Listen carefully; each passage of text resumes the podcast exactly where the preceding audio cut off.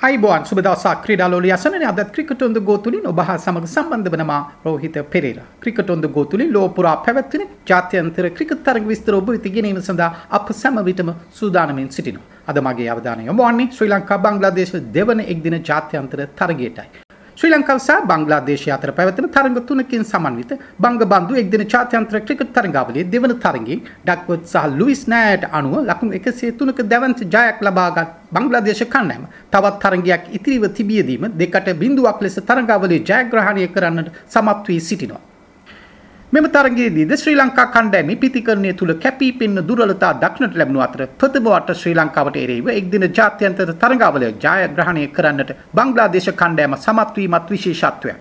එම ජයග්‍රහණයත් සමග ICC ලෝක කුසලාන එක්දින සුපර් ලීග් ප්‍රසාද ලකුණු 10ක් එකතු කරගත් බංග්ලාදේශය එහි පළමු ස්ථානය හිමි කර ගැනීමට සමත් වුණා. ශ්‍රී ලංකාවට හිමි වී තිබෙන්නේ 12 වෙනි ස්ථානයයි. ශ්‍රී ලංකා කණ්ඩායම කිසිදු වෙනසක් නොකර මෙම දෙවන තරගයට අවතීර්ණ වූ අතර බංග්ලාදේශයේ එක් වෙනසක් පමණක් සිදු කරමින් තරගයට අවතීර්ණය වුණා. මෙම දෙවන තරගයේදීද කාසිය වාසිය හිමි කර ගැනීමට සමත් වුණි බංග්ලාදේශ කණ්ඩායමේ නායක ටමීම් ඉක්බාල්. ඔහු මුලින්ම ලකුණු රැස් කිරීමට තීරණය කළ අතර දක්ෂ පන්දු යෑමක නිරත වුණු දුස්මන්ත චමීර දෙවන පන්දු වාරය තුල නායක ටමීම් ඉක්බාල් ලකුණු 13කටත් සහ ශකිබ් අල් හසන් ලකුණු බිඳුවකටත් දවාලීමට සමත් වුණා. මුල ලකුණු සංඛ්‍යාව 49ක්ව තිබීදී තෙවන කඩුල බිඳ වැටුනේ ලින්ටන් ඩාස් ලකුණු 25ක් ලබා තිබීදී සඳකන් යවූ පන්දුවකට වනිදු හසරංග අතට උඩ පන්දුවක් ලබා දීමත් සමගයි. කෙසේ වෙතත් ඉන්පසු ක්‍රීඩා පිටියට පිවිසි මුෂ්ෆිකර් රහීම් තමාගේ සුපිරි පිතිකරණයේ මෙම තරගයේදීද මනා ලෙස පෙන්වීම් කළාය කියන්නට පුළුවන්. ඔහු මොසඩෙක් හුසේන් සමග සිව්වන කඩුල සඳහා ලකුණු 25ක් සහ පස්වන කඩුල සඳහා මහමුදුල්ලා සමග ලකුණු 87ක අනගි සම්බන්ධතාවයක් ගොඩනැගුව අතර එමගින් බංග්ලාදේශ ඉනිමත් ශක්තිමත් කළා.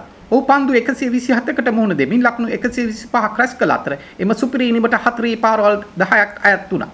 මෙම අනගිනීම ක්‍රීඩා ලෝලින්ගේ මහත් ප්‍රශංසුමට ලක් වුණායයි කියන්නට පුළුවන්. ඒ ඔහු එක්දින ජාත්‍යන්තර තරග ඉතිහාසයේ ලබාගත් 8 වෙනි ශතකයේ වීමත් විශේෂත්වයක්. එම ශතකය බංග්ලාදේශ කණ්ඩායමේ ජයග්‍රහණයට ප්‍රධාන සාධකය වුණායයි කියතොත් මා නිවැරදි. මහමදුල්ලා ලකුණු 41ක් රැස් කළා. අවසානයේදී බංග්ලාදේශ කණ්ඩායම පන්දු වාර 48කුත් එක් පන්දුවක් අවසානයේ සියලු ක්‍රීඩකයන් දැවි ලකුණු 246ක ඉලක්කයක් ශ්‍රී ලංකාව ඉදිරියේ තැබීමට සමත් වුණා.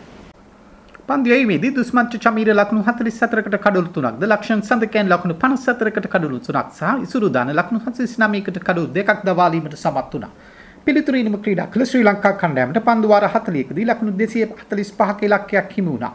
ඊට හේතුව වුණේ ක්‍රීඩා පිටියේ පැවති අයහපත් කාලගුණ තත්ත්වය නිසා දක්වත් සල් ලුයිස් න්‍යායට අනුව යැවිය යුතු පන්දු වාර ගණන සීමා වීම හේතු වේ. ශ්‍රී ලංකා කණ්ඩායමේ මුල් පෙළ සහ මැද පෙළ පිතිකරුවන් මෙම තරගයේදීද සාර්ථක ලෙස තරගයට අවතීර්ණය වන්නට අපොසත් වීම කනගාටුවට කරුණක්.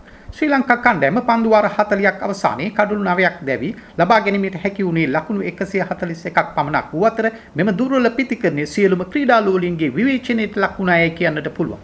ශ්‍රී ලංකා කණ්ඩායමේ වැඩිම ලකුණු ලබාගත් පිතිකරුවන් උනේ ධනුෂ්ක ගුණතිලක ලකුණු 24ක් සහ ලකුණු 20ක් ලබාගත් පැතුම් නිසංකයි.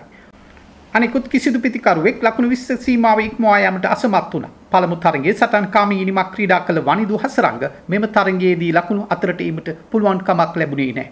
පන්දු යැීමේදී සුපුරුදු දක්ෂතා අතරට පැමිණි බංග්ලාදේශ පන්දු යවන්නන් මෙම තරගයේදී ශ්‍රී ලංකා පිලේ පිතිකරුවන් දැඩි ග්‍රහණයකට හසු කරගත්තායයි කියන්නට පුළුවන්. මුස්තෆිස රහමන් අගනා පන්දු වීමක නිරත වීමෙන් පන්දු වාර 6ක් යවමින් ලකුණු 16කට කඩලු 3ක් බිඳ හෙළමින් දස්කම් දැක්වුවා. දඟ පන්දු යවන මෙහිදී හසන් මිරාස් මෙම තරගයේදී සිය පන්දු වාර 10 නිමා කළේ ලකුණු 28ක් පමණක් ලබා දී කඩලු 3ක් දවාලෙමින්. ශකීබ් අල් හසන් ලකුණු 38කට කඩලු 2ක් ලබා ගත්තා. තරග තුනකින් සමන්විත මෙම තරගාවලිය දෙකට බිඳුවක් ලෙස ජයත් කරගෙන සිටින බංග්ලාදේශය තෙවන තරගය සඳහා මෙම ක්‍රීඩාංගණයේදී මැයි මාස 28 වෙනි දින ශ්‍රී ලංකා කණ්ඩායම සමග තරග වැදීමට නියමිතයි. තෙවන තරගේ සවිස්තරාත්මක තොරතුරු ඔබ වෙත ගෙනීමට බලාපොරොත්තු ඇතිව ක්‍රිකට් ඔන් ද ගෝ තුලින් සමුගන්නාමා රෝහිත පෙරේරා.